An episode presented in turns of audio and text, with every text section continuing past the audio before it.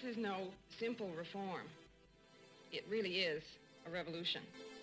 Feminism, by definition, is the belief that men and women should have equal rights and opportunities. In the church, there is full equality between man and woman.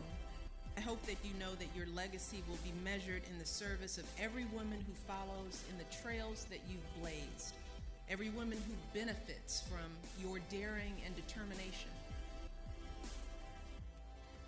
Hello, everyone, and welcome to She Speaks. Um, I'm Morgan, your hostess, and I'm actually not here with Jake.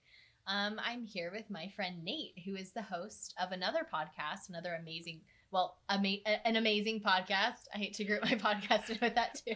Another amazing podcast. You could say that. Another amazing podcast called Peculiar People. And um, we are doing a collaboration today, and he will be interviewing me, and we're going to be talking a little bit about A lot. Oh, about a lot. Yeah. want to talk about me? You want to talk about I? well, we cover a lot of subjects. yeah, yeah, no, we did, and and uh, we're excited for everyone to hear it. So let's dive in. You guys are going to love it. So, Morgan, what makes you a peculiar person? Oh my goodness.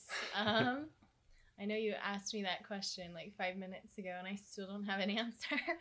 um, I'd like to think that I'm peculiar because I'm always asking questions.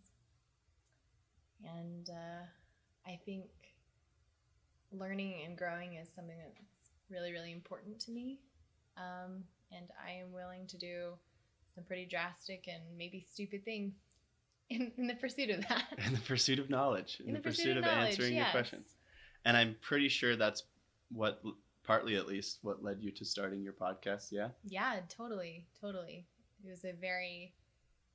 It wasn't so much that I thought I had stuff to give. It was a very selfish thing that I wanted to have these conversations, and what better way to get people to talk to me than like, Then put a microphone in their face. You'll be famous.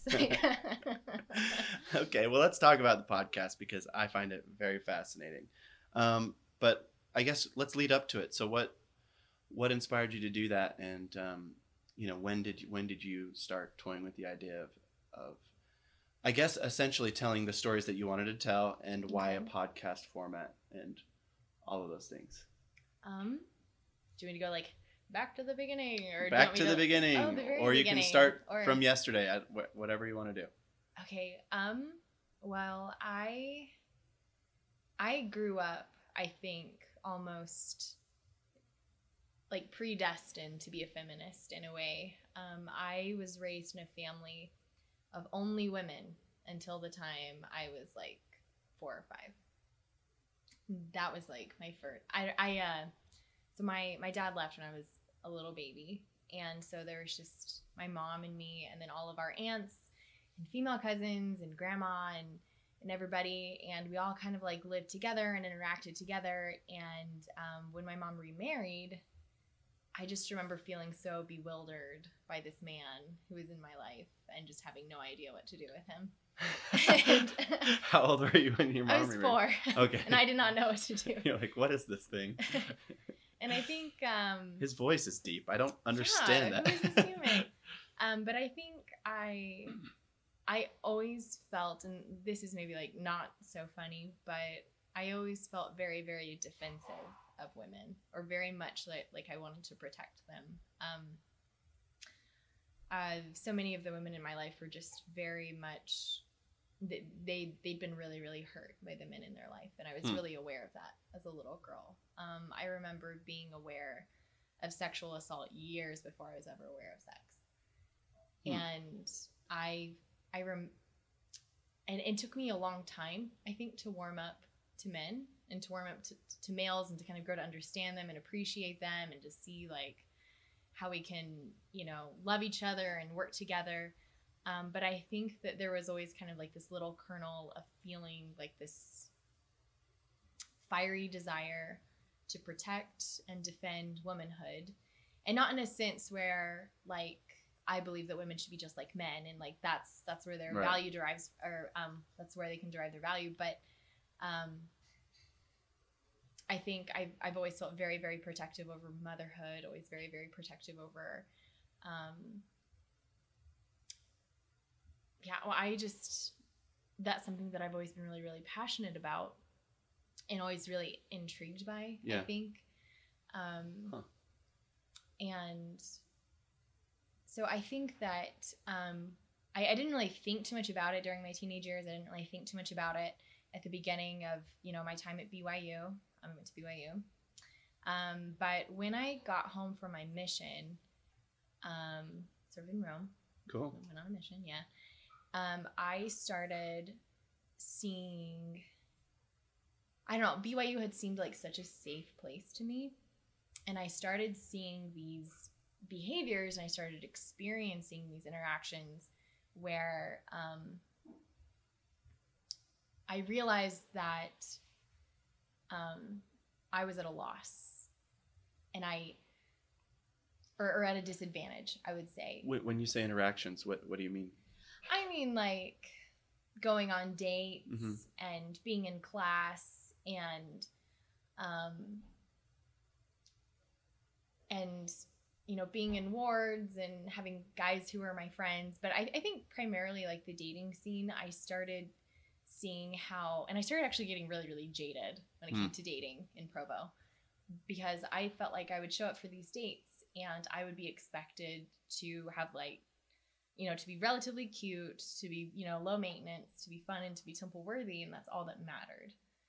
And I kind of felt like I had to kind of almost like hide like the quirks and like the depths of my personality and my feelings and my Mm. opinions on things because it was too much. Mm. Like I was too much the way that I was. And I and I remember just like feeling like I am so overwhelming to these people. I have to like put on this mask in order to be what they want me to be. Like fit a certain mold, Yeah, Yeah. yeah. And eh, which is in inauthentic mold. Yeah, an inauthentic and extremely shallow Yeah. mold. And um and I, I grew really jaded about that. And then it, it kind of started getting a little bit darker. And I think like so many girls, um, I experienced sexual assault um, a couple of times. And and I remember just feeling so angry because these weren't guys who like I could I could have picked out and said like yeah like that guy's probably sketchy Hmm. you know probably don't go on a date with him. Um they were guys who you know first second date like they seemed amazing you know they had amazing testimonies. Like they talked so much about jesus. And um and they and i and i there were even guys who like i felt like were really sympathetic towards my feminist ideology. But then like there was like this jekyll and hyde moment where it would just flip flop and suddenly they were not listening not Mm. caring. Um there's one instance where i was crying and having a panic attack and the guy wouldn't stop. And uh and i just i started feeling like there needs to be a place for feminism in mormonism. Um because I, I would talk to people about feminism and i felt like it was almost like this ugly word with people. And, and i and, and i think like the history of feminism in mormonism is kind of it gives people like the heebie jeebies Right. mm-hmm. Well, I, you know what I think would be interesting is we should. What? How do you define it? How do you define not feminism and Mormonism, but just feminism in general? feminism in general Yeah, I mean, is there? Because I think that you're right that Mhm. when you say the word, Mhm. depending on who you are, it can mean different things. So Yeah. maybe for this is coming from you know your straight white male, you know maybe privilege, but um, Mhm. the word feminism sometimes like can bring up an idea of you know like a woman in the streets with like the pink hat on that you know is marching for um, women's rights or something. But I don't think it has to be that either. Like there's it can al- and it can be a man who's a feminist. Um, yeah absolutely but I think i- there's different ways to interpret that, and um, I would love to know like what your idea of what feminism really means because we, you know, it's Mhm. a that is the idea behind your podcast. It's a feminist podcast. Yeah, no, ab- absolutely. And, and I think that this is actually one of like the biggest stumbling blocks to the women's movement is the fact that um, it's really, really hard to define feminism. Yeah, And and it, and it does mean so many different things to different people and that's kind of been a problem throughout the history of feminism is that an african american woman's idea of feminism is not the same Yeah. as you know a white woman's idea of feminism Yeah. The feminist movement is actually divided into two different or, or the, the women's marches i should say. There Yeah. are two different organizations that are at odds with each other. It used to be one but they separated because one says that the other is anti-semitic and the other one says that that they're racist really? yeah That's- yeah I didn't know that. yeah, That's so wild. you go to women's march, like check out which one you're going to because they're headed by two very different organizations. What are the organizations? So there's March On, Uh-huh. and that's um, it's organized by um, a woman who is Jewish, Okay. and she she's actually the one who started like the whole big women's movement in New York. But Like she, re- the like recent? Yeah. Okay. Yeah, So like kind of after the Me Too movement or spurring on the Me Too movement as time a, par- time as, a, frame? as, as a part of the Me Too movement. Okay, got like it. the very very first women's march in New York. Yeah. Or no no. no. Or, or and this is going to happen a lot in the podcast. FYI, Yeah. just like I'm I'm coming from a place of a lot of ignorance. No no, that's and I totally learn. fine. That's totally Um, fine. but I'm super curious. So Yeah. okay, so there's there's sort of two kind of Women's marches. women's marches. Yeah. Okay, that are both you know sort of raising the flag of, of feminism or of the Me Too movement. Uh-huh. Um, but they have they're sort of like opposing ideologies in some way, or No, Just they don't just don't really. agree. Well, they well, well With each here's the other. thing. In the very very first women's march, um, it was the March for Suffrage. Um, yeah, like way back when. yeah. In that march, they asked the African American women to march at the back so that they wouldn't offend the white Southern women at the front. Hmm. And there are so many different issues that um, that women kind of can't agree on that that make the women's movement so hairy. I think. Um, I mean, the Women's March um, is being headed by a group of primarily African American women who have some pretty strong connections to um, some Islamic leaders who are very anti Semitic.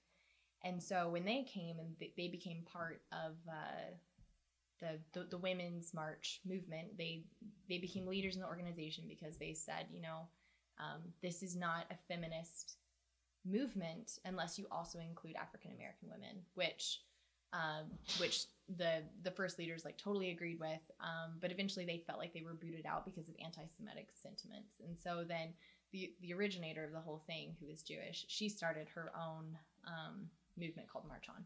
Got it. I mean, it's all part of the same movement, but her own like organization. Um, but I don't know. I remember like uh, like this last March that was here in Utah, in Salt Lake. I saw this photo from the march where there was this girl who had like this poster and it said, "If your feminism doesn't include trans rights and queer rights and rights for African Americans and X, Y, and Z and all this, then it's not feminism." And I remember looking at that and feeling so frustrated because um she's I don't know, but, but because I feel like there are these people who say like if your feminism doesn't include these things, then it's not valid. Right. And so I think that's why so many women don't identify with the feminist movement is because they're hearing messages that this is what it means from someone who, you know, that that's their opinion, that's their interpretation, but that's not the definition of feminism. And in my opinion, the definition of feminism is very similar to the definition of humanism. Yeah. To be a humanist means that you believe in the potential of human beings.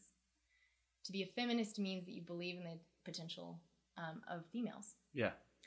And that's about the long and short of it for Yeah, me. and I can get on board with that easy. Yeah.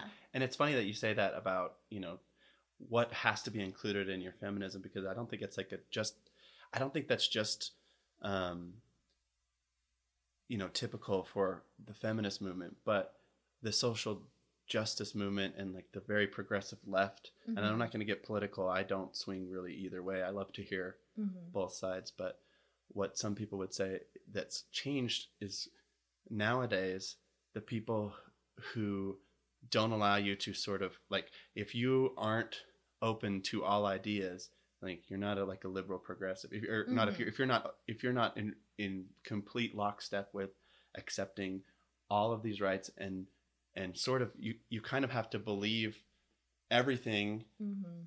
um, which is sort of not being super open minded, in my opinion. It's, it's intolerance. Yeah, it, it, you have to be so intolerant or so tolerant of of everything that all of a sudden it's it's swung to where it's become like intolerant in a way. No, it's it's true. Like you are tolerant towards all people except for those who might be a little less tolerant, and you're even more intolerant towards them. Yeah, and then on the right, it's like um, they're now the ones fighting for we're just allow us to e- express ourselves freely, and Isn't they're they're funny? it's like completely flipped from what it was in like the seventies and eighties, It's it's it's actually really yeah. No, to where I, the right the people who used to be the conservative people are now the Mhm. people fighting for allow us to just say like say and believe what you They want, and then the people who yeah it's really interesting. yeah it's com- it's a complete and and, and so and it, it sounds like it's funny because it's kind of even within the movements you know you're getting some of some different disparity between being being like really part of one where you're Mhm. um, got you have to accept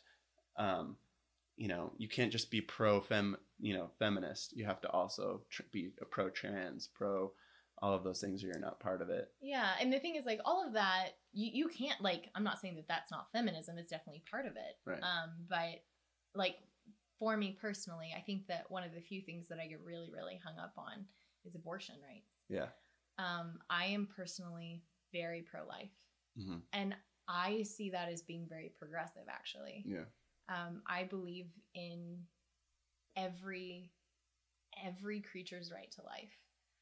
Um, whether you are handicapped, or if you are a woman, or if you are dependent, I don't believe that any life has less value than another life. And I think that when we get into the nitty gritty of trying to decide, well, when does life begin?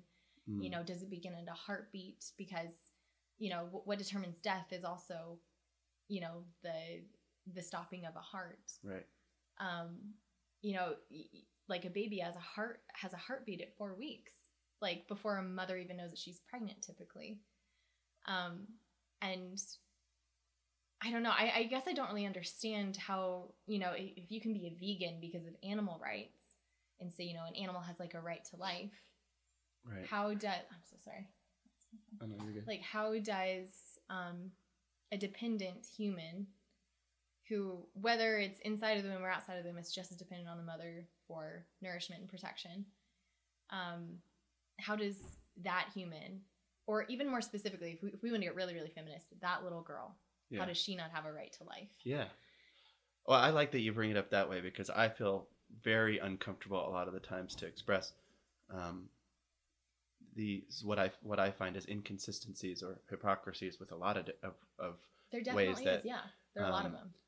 particularly like people that are supposed to be you know progressive and super tolerant and and don't seem to be particularly tolerant of people with different ideas than them.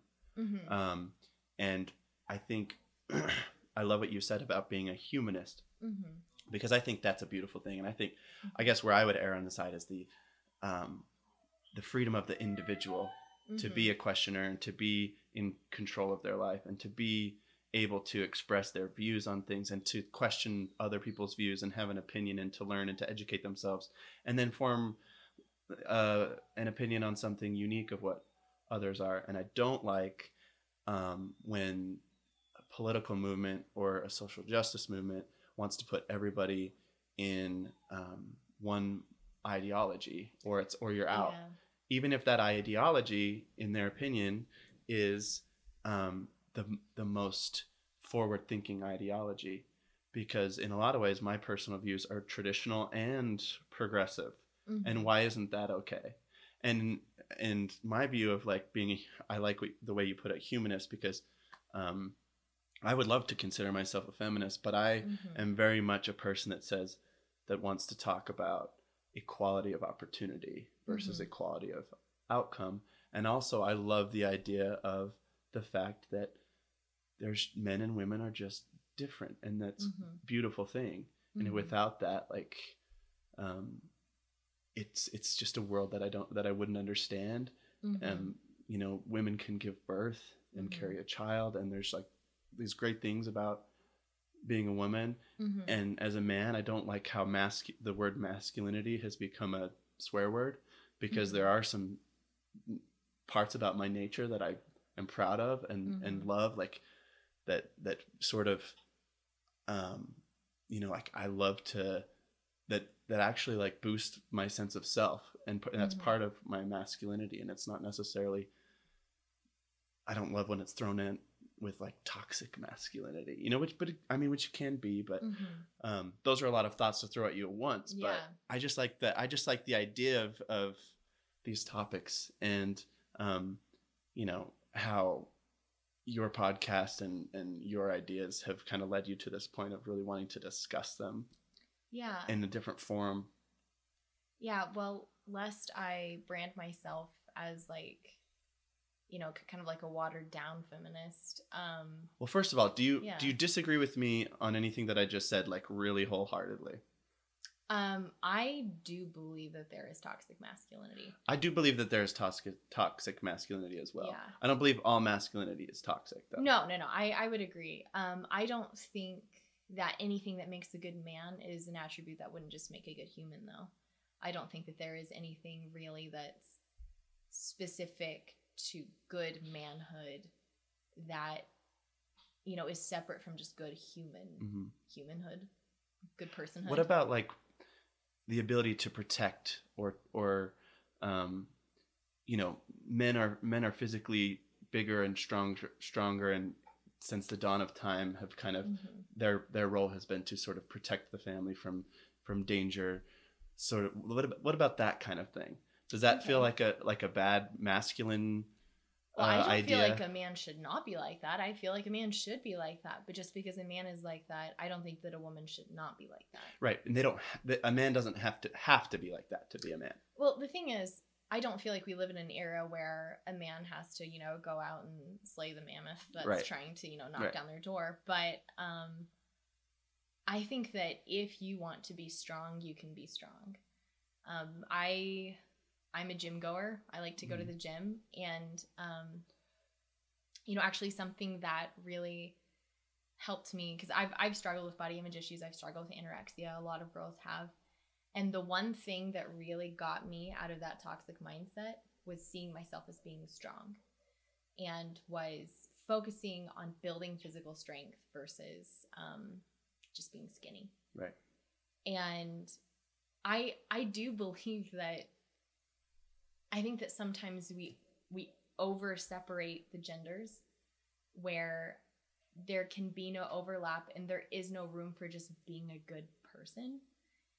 I I mean like I'm I'm not a mother yet, but Yeah. I I have younger siblings and I and I have felt like those feelings of being a mother and they're not just soft sweet nurturing feelings. There is mama bear that's in there too.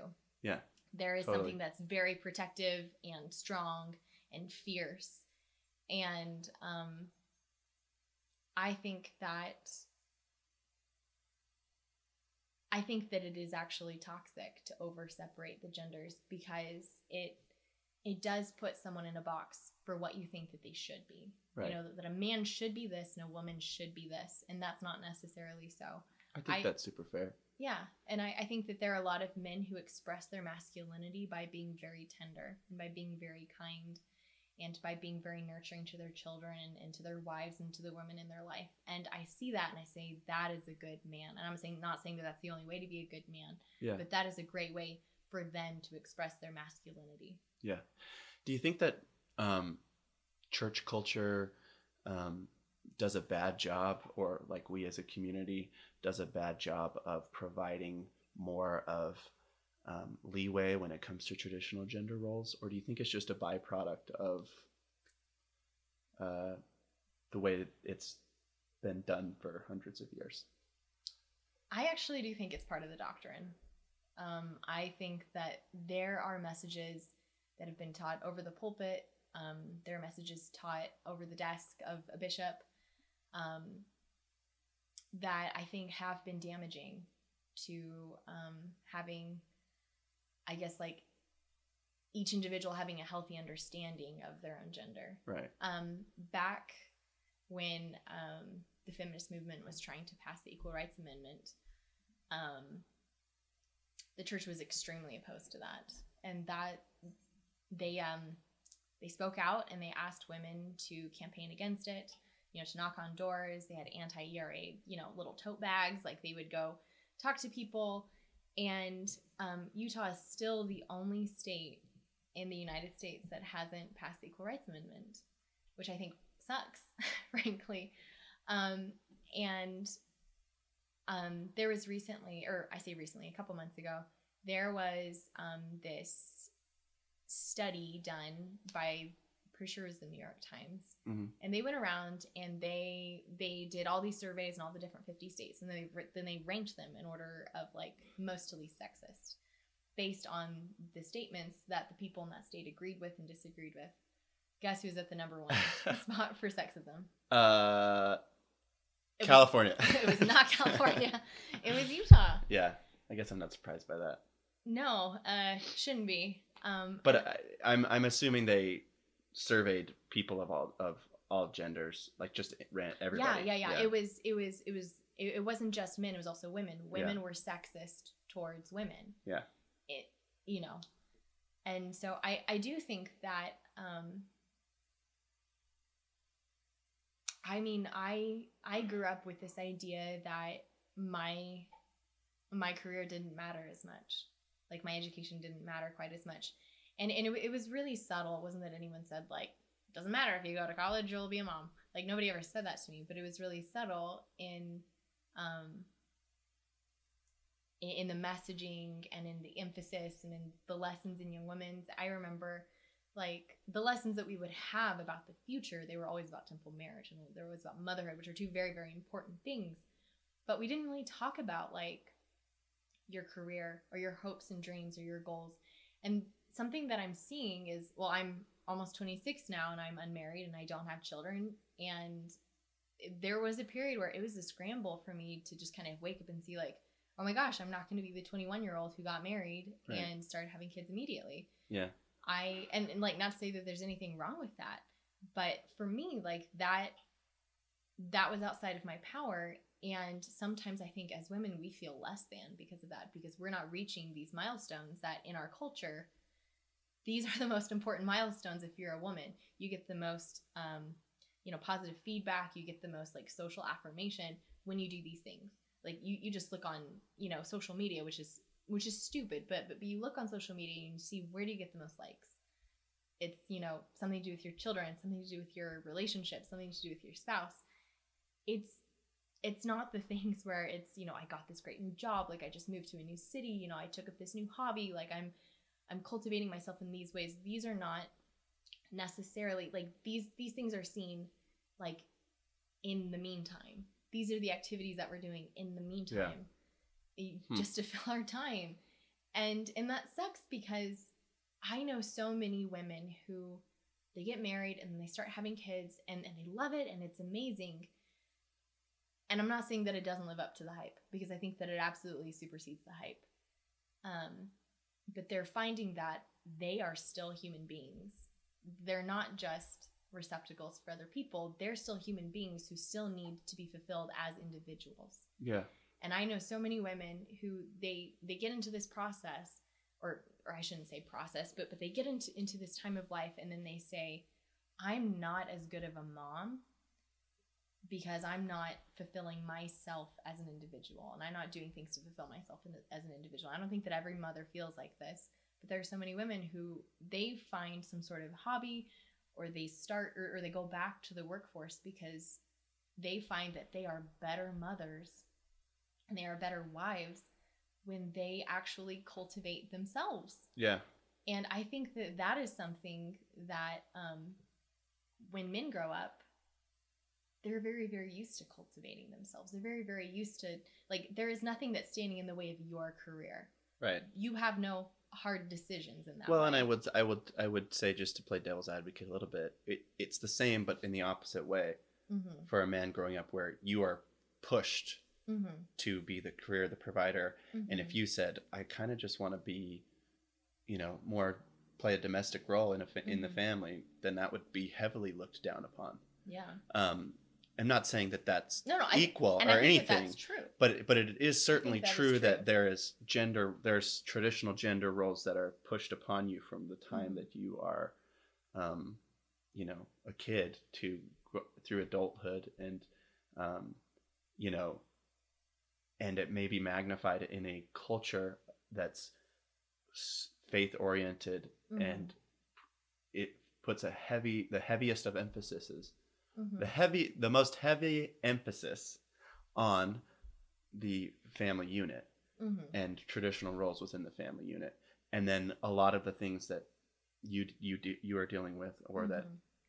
uh, other women that are listening to this that are that are nodding their head yes Mhm. um, would agree are are a byproduct of that right Mhm. um, and I would say that that that's got to be 100% true.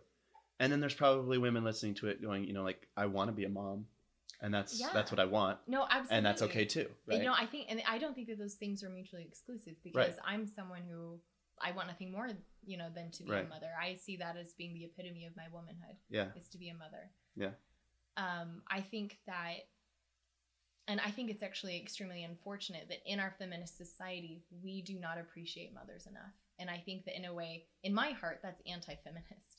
Yeah. You should. I, I feel like that's the that's the thing that always gets me too is the women who choose who choose to sacrifice a lot of what maybe they would have done Mm-hmm. um, and to to just raise a family or to do or to play that role Mm-hmm. and that's something they want to do and that's their choice that should be rejoiced too if that's the case if that's what they the idea is being that a human Mm-hmm. man or woman um, can play should should be able to use their agency to choose a path that they feel is most correct for them without repercussion from society No, if absolutely. all things being like you know equal in terms of um, it not being something that's crazy illegal or, or you mean you have our sense of right and wrong no, no, but you know what i mean like yeah. um, Well, i like- totally agree with that like who who made that scale of like what is the most valuable profession like as a, as an individual as a human being? Like like what can you do that's the, like that's the most valuable? I still think that as a society like as a society we're still using that scale that the old white man made where and, and but, but we're using it for all genders and it's not Yeah. fair um because it's saying like you know if you're a doctor if you're a lawyer if you're a diplomat you know like if you're some if, if you're one of these things and that's the most valuable thing that you can do.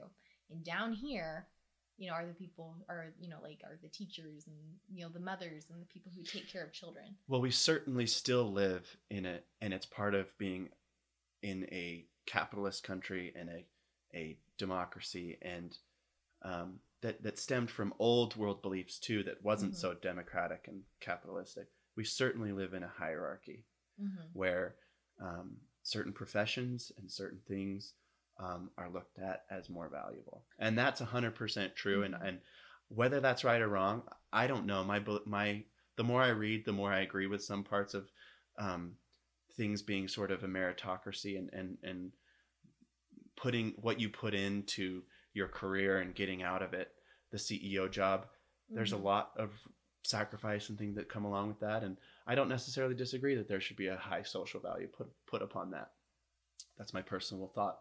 But I don't think it should have anything to do with gender. merit- okay. Well well we we all know that you know that, that, that there is a wage gap and that generally women make about i'm trying to remember it's it's 80 something percent of what men make you know you know for every for every dollar. Mothers get paid a lot less. And and i do think that there are a lot of factors in there um There are a lot of factors to those studies, and I don't, we don't have to could- because for the most part, I do agree with them. There are some caveats, but I would say that yeah, you're probably right. Well, I'm just saying that I think that generally, like, n- not just with like wages, but but socially, um, and it's in in so many ways, I feel like mothers are some of the most disenfranchised people in our society, and I actually think that there has been a pushback with the mommy bloggers and with you know like the Instagram moms, Yeah. and I think that that has been kind of a two edged sword. What do you mean a pushback? Well, they're making motherhood cool Oh, yeah. Okay. they're making motherhood cool again and um, and i think that in a lot of ways it's really really awesome but they're also making kind of like this i wouldn't say a fake standard of motherhood that's really unattainable like they're making it popular but Well, that's Instagram in general. I think yeah, yeah i mean it's, a fake standard of whatever you're doing. yeah. Even, and I'm certainly guilty of it myself too. Like what I have on my Instagram feed is not my life. You know, yeah it's a curated version of it. Yeah. Well, just kind of like coming back down, I think that within our within the church, um, and I just keep thinking about this one experience that I had where I was talking to a bishop and I was asking him questions, um, actually about about the sealing and about um, and about uh, you know you know like a woman's role in being sealed, and I don't remember exactly what it was, but it was some sort of situation where like the woman kind of loses out in a way and doesn't have a choice, Mm. and um, and as in an attempt to try to console me, this bishop said, "But you know what? I would give up the priesthood in a heartbeat if I could be a mother. Like I would do that in a heartbeat." And I remember sitting there and feeling like he was talking down to me. Hmm. Um, motherhood is not at all the same as the priesthood. Motherhood is a lot more like fatherhood. It's not the same as the priesthood, though. It's really, really different. And it actually really bugs me when people try to equate the two because they're not they're not the same at all. Hmm. Any worthy male can hold the priesthood and has and has authority. Not any worthy woman can have children. It this is something that like it's not based upon personal worthiness. It's based on something and like total just something that's totally totally different. Motherhood is a lot more like fatherhood. And and I kind of don't like how people push down fatherhood and they kind of like forget about it. Um, and by saying like it's not equal to motherhood because it totally is. But I I personally, this is just my own personal belief, but I am personally frustrated by this idea that there is, I would say, from what I've seen and from what I've experienced, the same amount of spiritual power is given to women as is given to men. I think that doctrine would back that up, actually. I don't understand why, if women have the same power to do some of the same things, I mean, as a visiting teacher, I feel like I've been moved upon to say something to, you know, a girl who I was visiting teaching that I felt like God wanted her to know. And mm-hmm. it was so powerful and it was so real and it felt like, in a sense, like a blessing. And it Right. wasn't given in like the same way, but it felt like like a blessing.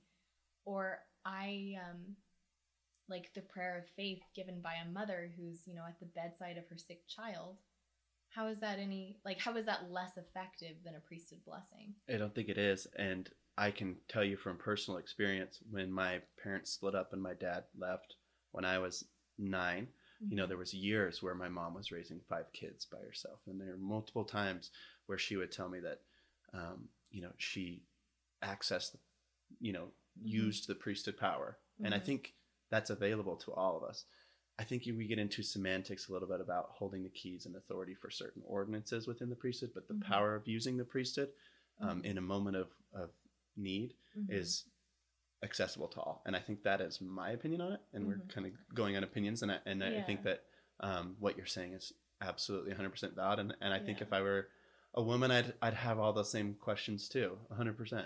part part of that authority though it, it's not just ordinances it's also leadership leadership within the church and Mhm. i think that since president nelson has become the prophet there has been a lot more of a push for women to kind of stay like step up Mhm. and you know be more listened to like be more validated in what they have to say um, from a time that a man is 12 he no longer has a female leader beyond his own mother um, he has only male leaders and teachers besides you know sunday school Mhm.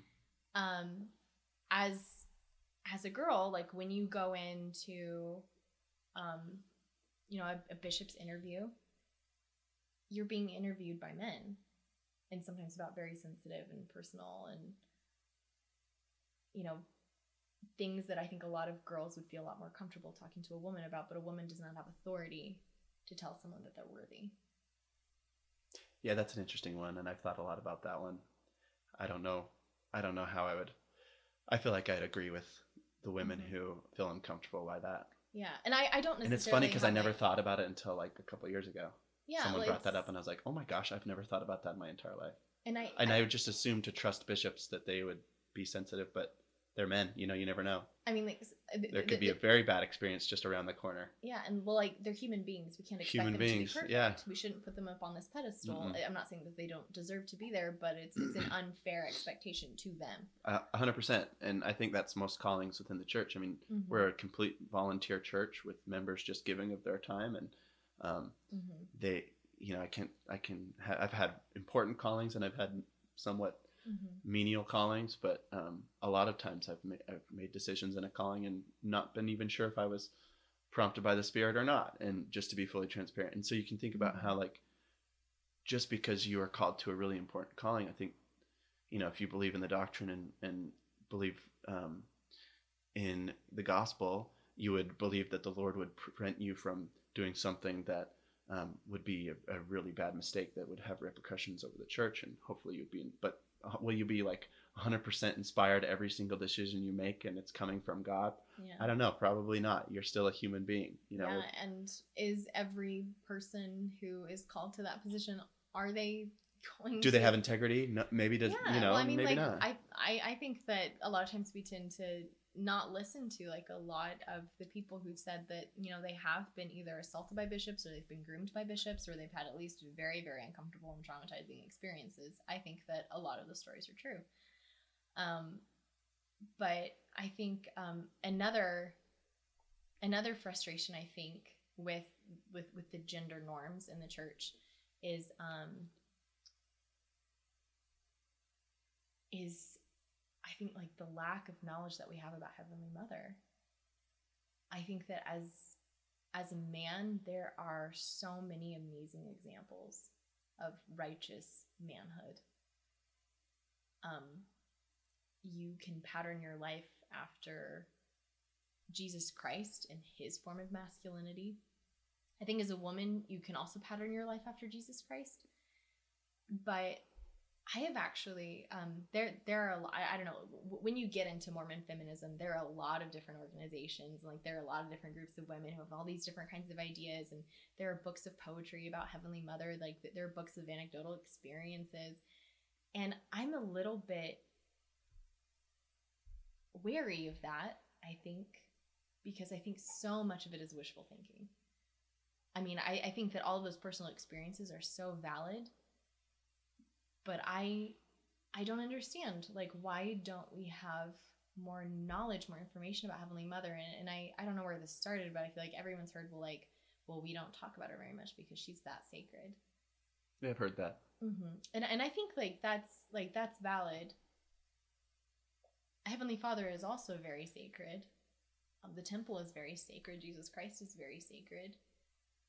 But we learn about them so that we so that we can become more like them, so that we can become close to them. We try to have a relationship with them. We're encouraged to have a relationship with Heavenly Father. We're encouraged to have a relationship with Jesus Christ. I have never been encouraged to have a relationship with Heavenly Mother. Yeah, it is. It is a, a vague and it brings up certainly a lot of questions. I mean, I couldn't begin to provide answers. These are these are Mhm. things that I think are bring me back to the point of you starting a podcast about it. Yeah, You know, Yeah, well, I, I and and and how and and I guess my question would be through that Mhm. have you have you received more answers? Have you just have you had more questions? And is your goal to because i think one of the things that i am a super big supportive of is the Mhm. conversation more than anything.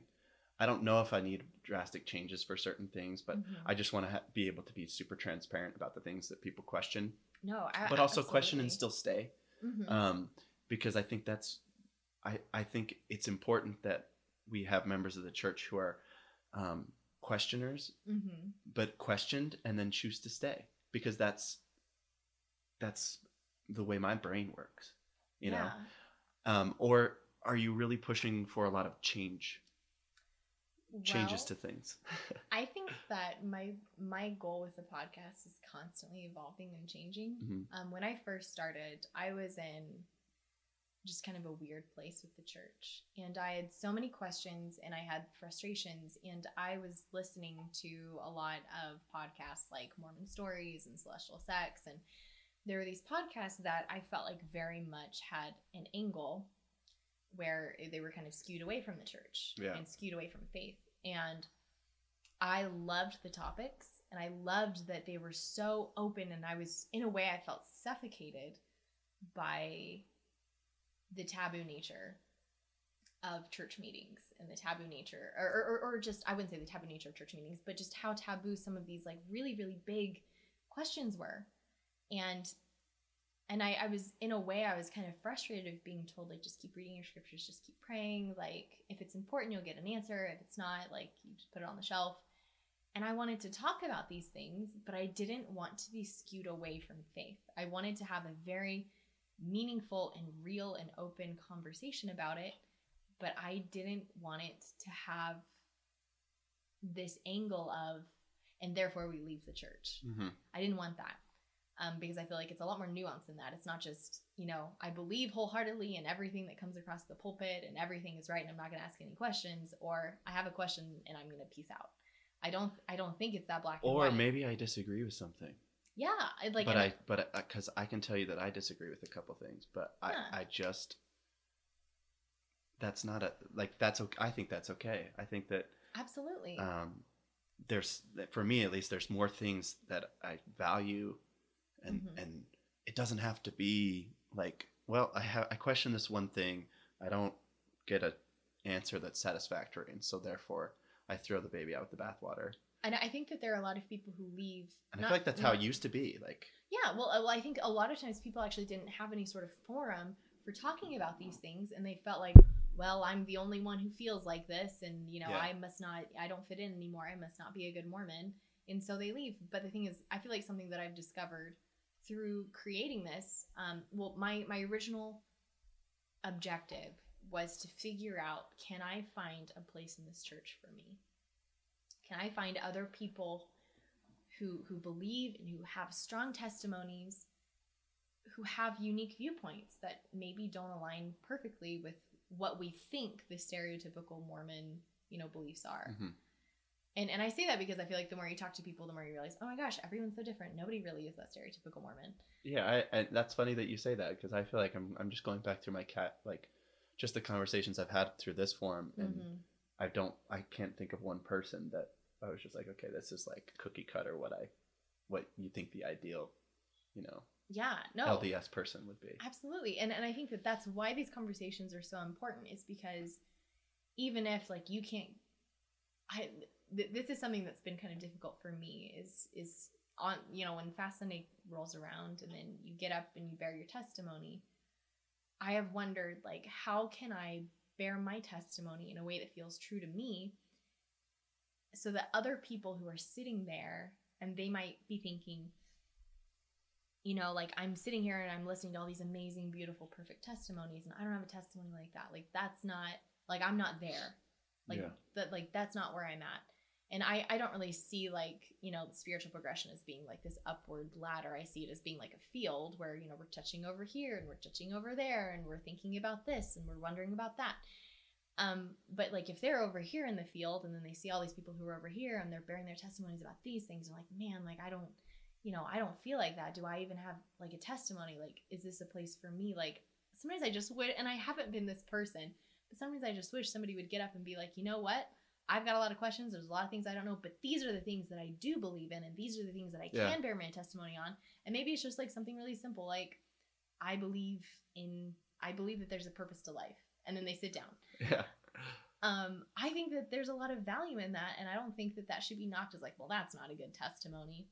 Yeah, and I think that that you know what becomes the norm is what people do. So as if someone gets up and does that, then another Mhm. person would feel comfortable doing that, and you know. No, There you go. Like, And I actually think the first presidency of the church, and a few years ago, I remember something coming down for being like your your testimony should be com- concise, you know, not rambling Yeah. stories about your week. They should be concise about what you believe and what you know to be true. mhm. and I think that would I think I would have a lot more of uh, eagerness to share my testimony if it if it was just on those things that I, I felt like really strong like for me like it's the Book of Mormon Mhm. like I have a really strong testimony of that there's a lot of things that I that I don't have nearly as strong a testimony on um, but I love that like to your point like being able to get up and just or but I think what's great is um, being able to have a YouTube channel or a blog or a podcast or yeah. all of this content that you can consume or choose to participate in to share what the pieces of it you do believe or the questions that you do have.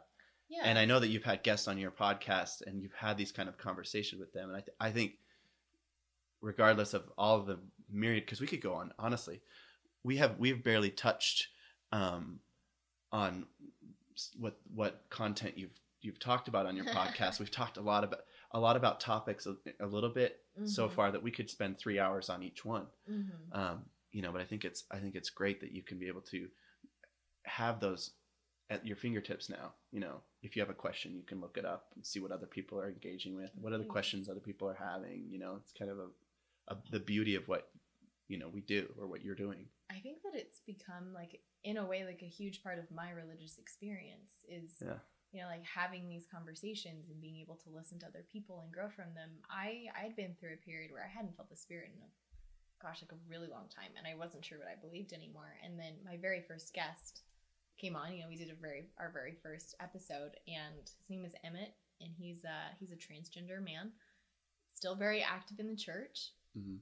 and um, him telling his story that was the most spiritual experience i had in a, like a really long time Yeah. and i was like oh my gosh like this guy who you know really doesn't fit the mold at all Yeah. you know he has a look at his testimony of christ hmm and and I felt it and it nourished my soul.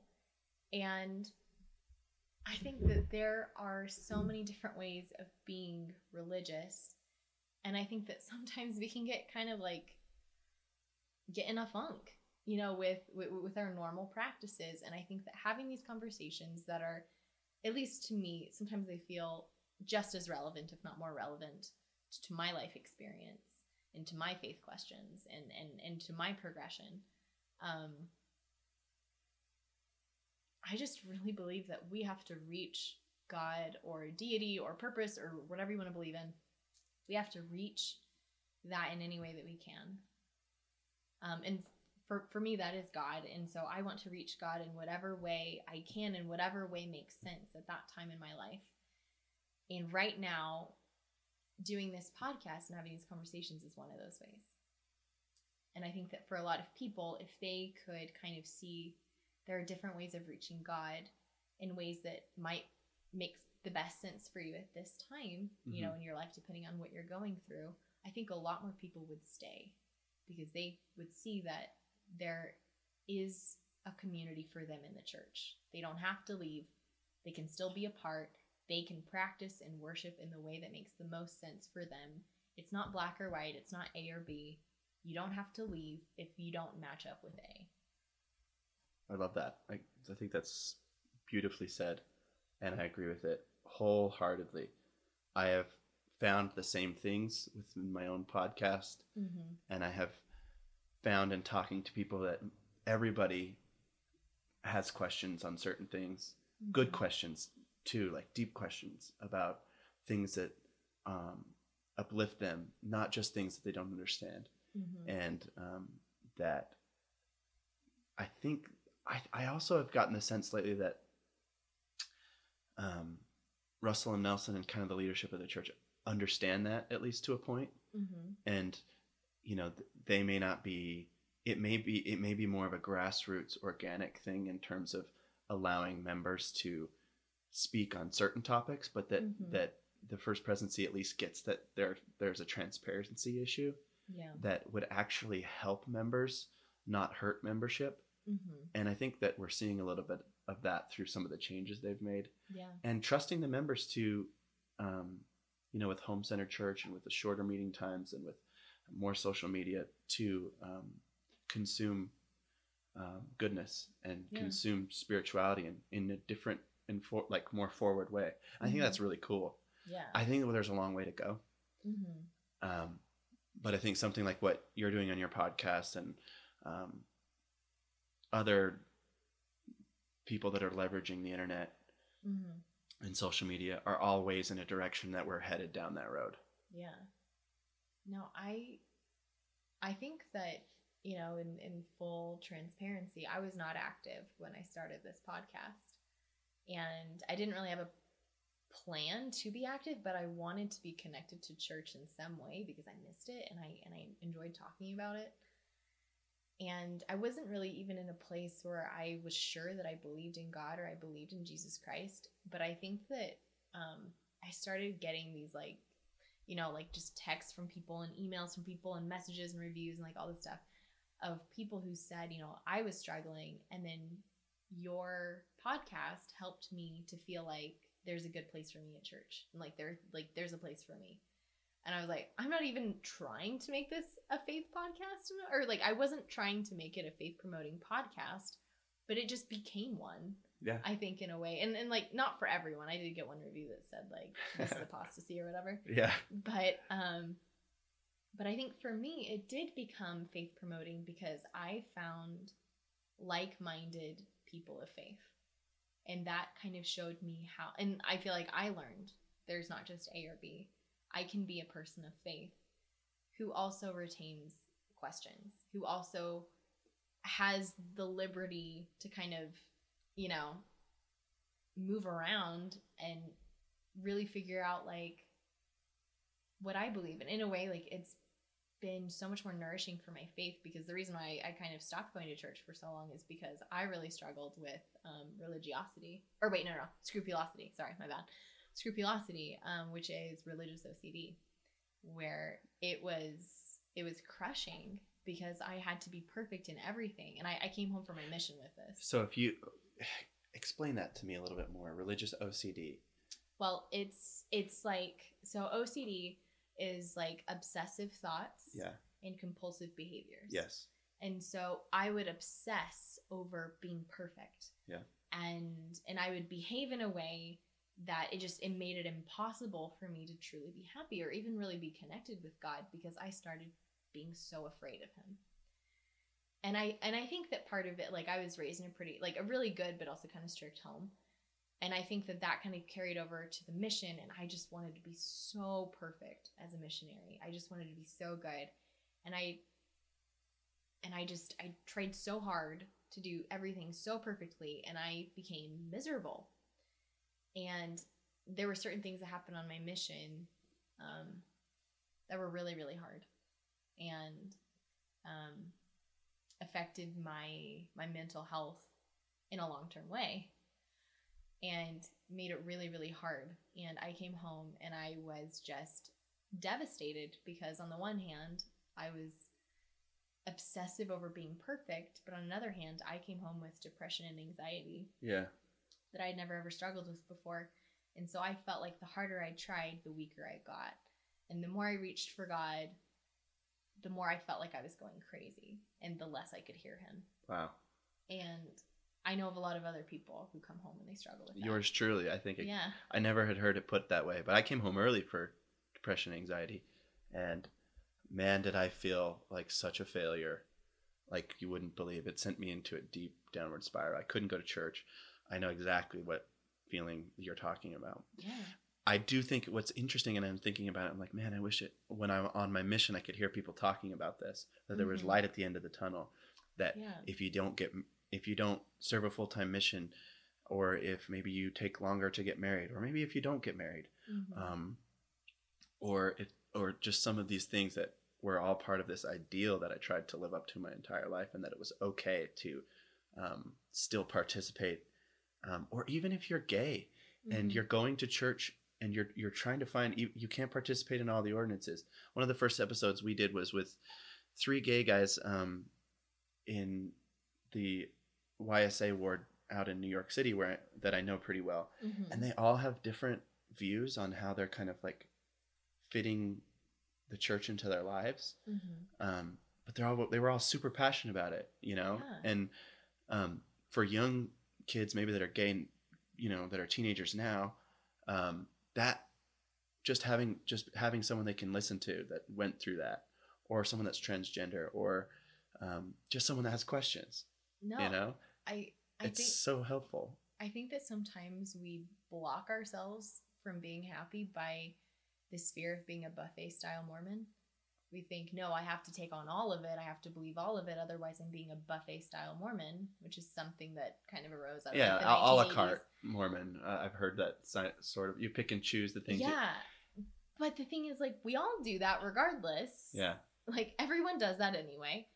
Um, but I think also we kind of dishonor our personal authority by doing that. We dishonor our boundaries. And um, I think that for me, something that has actually, something that I needed to do that has actually kind of refreshed my relationship with Jesus Christ um, was taking a break. And that's not something that I would ever encourage anyone else to do unless they really felt like they should and like they prayed about it or whatever. Um, but I decided to take a break from church for a couple of months to just kind of detoxify all of the fear of and all of like the hellfire and all of like the um like my toxic relationship with God, not God's toxic relationship with me, but my toxic relationship with God. And I just completely was like, I'm not going to worry about it right now. I'm going to completely forget about it right now. And I'm going to come back when I'm ready. And this is just my own personal story. This isn't like the right choice for everyone. Um, but I started, when I started missing him, and I felt like I need him in my life now. Like, this is something that I need now, and I need to come back, and I need to find a way to come back on my terms. And which sounds very prideful, but it was what I needed because I felt out of control. Yeah, like you kind of needed the experience of maybe going away so that you could figure you could experience the need to to have it, Absolutely. right? And the thing is, I, I, and I'm You still, needed to experience being without it to kind of understand that need for it or some version of it. Yeah, and I I think that I just I did not know how to be religious without it being toxic. It had gotten that bad for me. Hmm. And so I, so I needed to get to a point where it was gone, where I didn't have that where I, I really wasn't afraid anymore. So that I could add God back in a way where it was more based on desire and love versus fear. And so I got so so I waited until I wasn't afraid anymore. And then I've been slowly adding religious aspects back into my life based on love and faith and trust rather than fear of punishment. And it's been a lot healthier for me. See, this is a testimony. Yeah, You just bore a testimony, look at that. and it's a it's a unique testimony, hmm um, and it's a testimony of what you believe in term and what like has sustained you from a religious perspective right now. hmm And I think, and I can empathize with that. My journey different than yours, hmm but I definitely went through an experience where I told myself I was out, hmm and then became so miserable being alone without God that I came hurrying back. But that was an, that was that experience was enough for me to say, "Oh my gosh, I actually love God so much," and He stayed loving me and was just waiting for me like to come, you know. And it wasn't necessarily like it has nothing to do with k- keeping a commandment or mm-hmm. feeling worthy in every element. And I don't want to say, like, with this conversation that we're advocating a la carte religiousness at all, because I think keeping covenants and making promises and showing your obedience to God is an an important part of faith, Mhm. um, which is an important part of understanding the atonement that Jesus made for for us. Um, but just because, but the, the there's a fact, and the fact is that not one of us is better than the other, hmm and not one of us will do it right 100% of the time and be 100% worthy all the time. Yeah. And so, if that's true, how can we really sort of judge or um, say that you know you have to you have to live it and you have to live it this one only way? Um, and you have to live it this one only way right now and I, I think i think that that right there is kind of because I, I was drowning in the feeling that i needed to have arrived in any given moment. Like i needed to always be at my spiritual peak. Right. and i think that sometimes we totally forget that god has given us i mean like there's so many messages about like you know prepare ye you know you never know when the second comings and which is totally you know valid. But um but god has given us our entire mortal life to come to know him. And if there were only one way, then he would not make us all so different. He would not make us all with like our own unique challenges and our all unique paths and and I think that it's important for people to trust themselves. It's important for people to honor their deep feelings and their questions and their struggles. It's important for them to honor those parts of their path because sometimes those are the tools that help them get close to God, and suppressing them is not always the way. Suppressing them, putting them on the shelf is not always the way to actually come to God. I actually don't think it's ever the way. Well, because no, I, I agree with that. I would think that the times that I've just like maybe hid or, and this is just a personal anecdote. I, don't- I don't know what your thoughts would be on it, but just the times where I've said, you know, I'm having a I'm having a negative thought. I'm just gonna pretend like I don't have those, or um, I'm I'm hiding a sin, Mm-hmm. and, or a, a, a desire to sin, or something like that. I every time I've been, you know that you know that feeling after you throw up, that feel that that relief Mm-hmm. or that feeling after you repent that re- that that relief if you're able to be open more open about the sh- things that you struggle with Mhm. um, i think the more comfortable you can feel in and, and the more often you can actually feel that sort of sense of um, i'm not alone in it a Mhm. lot of people struggle with certain things we're all you know weak Yeah. humans and it's okay you know Yeah. No, and I I remember when I was 15, I struggled a lot with the idea of polygamy. That's I, I feel like every girl goes through that period where she's like, oh my gosh, and she, and she, she like figures out what polygamy is, and it's really scary. And i think guy I, I, I me too yeah, well, yeah, but uh, but I remember I I had received some counsel to just like just have faith, like you don't need to worry about it, like put it on the shelf. And I just kind of figured out for myself, being 15, like, nah, like that's not for me. Like, I want to get to the bottom of this. Like, I want to know. And I did so much research, so much research about the history of polygamy in the church. Did I get an answer? No. Hmm. did I gain knowledge and context? Yes. And I think that I really did show God how much I care about learning. And in a way, like, it has been soothing for my soul because I I'm not afraid of my own questions. And I think that that right there is something that prevents us from coming to know God. totally Because like, I love that. what what are we even doing in this world if we're afraid of getting the answers to our own questions? Like that's the point. Go get the answers to your questions. Yeah, and I, I think I think that's part of the whole transparency thing. Is like, um, you know, back in the day, like, if you had, if you saw something that was like skewed anti-Mormon, or there was materials that were available to you, you know, that we were told to just leave them alone, don't Mhm. read into them or whatever.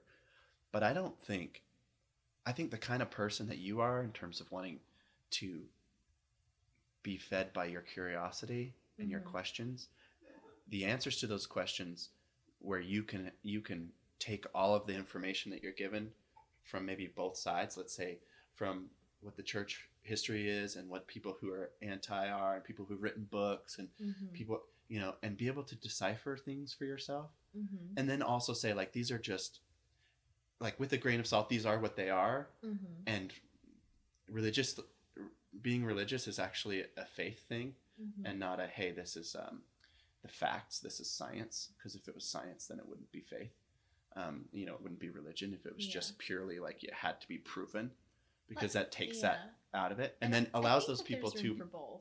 well what i mean is i think science and faith are tied together Yeah. but what i mean is it doesn't have to be proven if Mhm. it's if it's proven to you then in every aspect then it then it no longer becomes uh, like faith no Yeah. no longer becomes believing in something that you're not seeing but what i'm saying is is that for for a person who questions things that's Mhm. how you get the faith it, you've you've done research and you and you've seen things and and you've seen what other people believe and and you get where what the history of the church is and then you can kind of sit back to yourself and be like now i can make my own more organ my my own more um, educated opinion on something and then allow instead of that fear of that question overtaking whether or not you know you can even look into something Absolutely. You know what I mean? You know, yeah, no, I feel like if you are compelled to believe something just because that is the only information you'll take in, Mhm. that's not faith.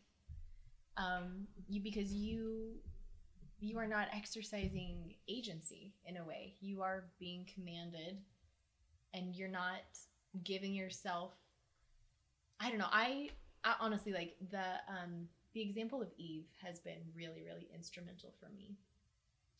Eve was someone and this is this is the LDS version of the Tree of Life story according to Morgan. but um Eve held both decisions equally in her hand. She educated herself about either decision equally. She she she didn't just say get out of here snake. She said what are you talking about? Like tell me what you're talking about. And we believe as you know members of the LDS church that that Eve made the right decision. We honor Eve for making that decision. She would not have made that decision if she did not question the serpent, if she did not look the serpent in the eye and question him to figure out is there any validity to what he was saying? Right. Was there any point? Like, and I think that in a way, she, I, I believe, I personally believe that there was nothing magical about the fruit. I don't think there was anything magical about the fruit. I believe that human beings gained mortality when they first exercised agency. And Eve was the first person To do it. to do it. And that is when she became mortal. And so I believe that that is that is really what Heavenly Father intends for us when he says make your own decisions. You know, honor your agency. I believe that he wants us to be like Eve and be willing to look the serpent in the eye and weigh both decisions equally and say, what will I choose? No one is making this decision for me, so what will I choose? Yeah, absolutely.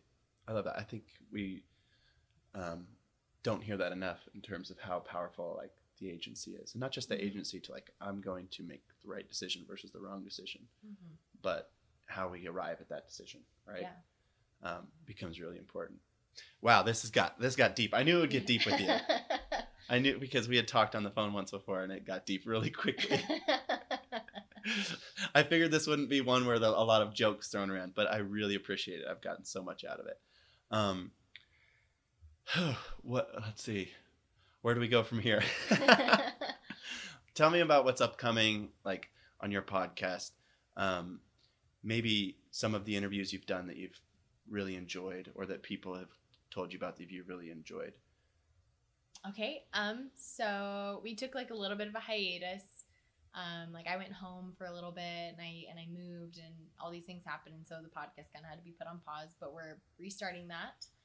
Um. I'm really excited. I think we're gonna be a little bit more political. We're gonna talk a little. could see that. Yeah, well, we're going to talk a little bit more about the women's movement. Um, I think that we've been super touchy feely up till this point, and we're going to get a little bit more political. We're going to get um, maybe a little bit more hardcore than we've been before. Ooh, hardcore. Okay. Yeah, Throwing we're gonna. there. Yeah, it's gonna be balls to the wall. but um, I think that we're also we're not going to be so stereotypically, or what you would imagine is stereotypical feminism. I think that you know we've maybe played into that a little bit, Hmm. um, and we're gonna hop off the bandwagon. So do you do you plan on having a guest every time, or do you plan on um, opining a lot? You know, I could see a podcast of you just talking. Me just talking. Well, I mean, I think it would be very. I I, I think you don't need a guest. I mean, a guest uh, is great, yeah. but I think a lot of the thoughts that go through your mind are just fascinating. well, thank you. I appreciate that. Um, I'm not sure. We. I need a guest. You, you, You yeah. don't need- Oh, thanks. um, I mean, I don't want it to be people just listening to me every time, but um, I think that we're gonna have some forums hmm where we bring on several people to mainly discussion discuss an issue, and it not be so like, oh, tell me about your life. It's gonna be like we're gonna talk about this issue and maybe have some debates, which I'm really excited about. That's something that I've been wanting to do for a while that we just haven't done. Um, I can totally imagine too people feeling a lot more comfortable sending you questions that you would talk about, you know, on the air. Yeah, and, and- I bet you've already gotten that. But I can just people- see, people you know, that. some girl or guy being mhm. like, I don't understand this, and, and and you kind of like giving your take on it. yeah no i i definitely think that we're gonna do like some more q&a type things um we did one of those and we never aired it because it was not appropriate. Really? Jake and I, my producer Jake. Jake is also he, he's my producer and also co-host, Mhm. and he couldn't be with us tonight. But um, we're we're also best friends, and uh, we did a road trip together. We Oh, did fun. like like a ten hour road trip where Wow. we uh, we did Q and A's. Episode ended up not not like not for everyone, and so we decided to just scrap it. it was That's- not salvageable. that's gotta that's gotta uh, surface at some point. Maybe. Maybe a, some some version of it, some safe for work version of it. um, Cool. Yeah, but no, I'm really excited for what we have in store. Um, I think that some of the experiences, I don't know, it's been so weird. During this hiatus that we've had, I feel like I've had a lot of really momentous experiences that have changed and shaped my point of view. Yeah. That will probably change the direction of the podcast a bit. And so I'm, I think that's the nature of the beast. that is. I think you start out with an idea of where you're going, then it, and then it, just like life, Yeah. it takes it's gonna go where it needs to go. Yeah, well, I'm I'm excited. I think I was really nervous and hesitant about restarting it just because I'm very tired right now. in all honesty, and it's it's a process. It's a time consuming. I edit everything. Yeah, It's time consuming. Yeah, I mean, as you know, yeah. as you know, and you've But- got you've got a lot of other things on your plate too, yeah, and you've got to figure out a dating life and a social life and a work life and a Oh. podcast life. well, work life, yeah, That's a lot. um, those other things tend to be on the back burner for me, but uh, yeah, I got to figure out everything there too. But um, no, Topic for another podcast, maybe. Morgan's dating life. Never. That's a Q and A. I'm sure you'll get. Never. Um, but no, I'm I'm excited, and I think that I I've gotten to a point where I feel like this podcast is important, and it's important to other people, and I am it's important to me, and I feel a sense of obligation to keep it going, but also it's it's a joy. Yeah. Mhm. I think, I think that you probably are underselling how important it could be to other people. I, but I, I love that. Um, well, thank you. Thanks for having me. Yeah, this has been awesome. Mm-hmm. Um, I feel like we could have gone a lot longer, Yeah. and we'll have to do it again for sure. well, for sure. Yeah. Yeah. Stay tuned for more. Uh, more. More collabs for Yeah, sure. We, I think we have some ideas. Yeah, yeah, we have some interesting collaboration ideas, so definitely stay tuned. Stay tuned. Thank you so much, Nate, for coming on to She Speaks today and for having me on your podcast, The Peculiar People. It's just Peculiar People. Peculiar People Podcast, Yep. P cubed, as we like to say. yeah, yeah. I'm toying around with that idea. well, t- tell it's people hard where to say. Tell people where they can find your podcast. Okay, so we're on iTunes, Stitcher, iHeartRadio, not on Spotify yet, Google Play. Um, you can find us on Instagram at Yeah. the Peculiar PPL, or um, you can email us. Um, oh, actually, our website is pretty cool. We have like blogs and Ooh, so yeah, some funny satire and some articles where we highlight people just outside of the podcast. So I got to plug that. Nice. Yeah. Um, and that is uh, thepeculiarppl.com. So check us out. Nice. Yeah. Go check them out and check them out and check us out next week on She Speaks.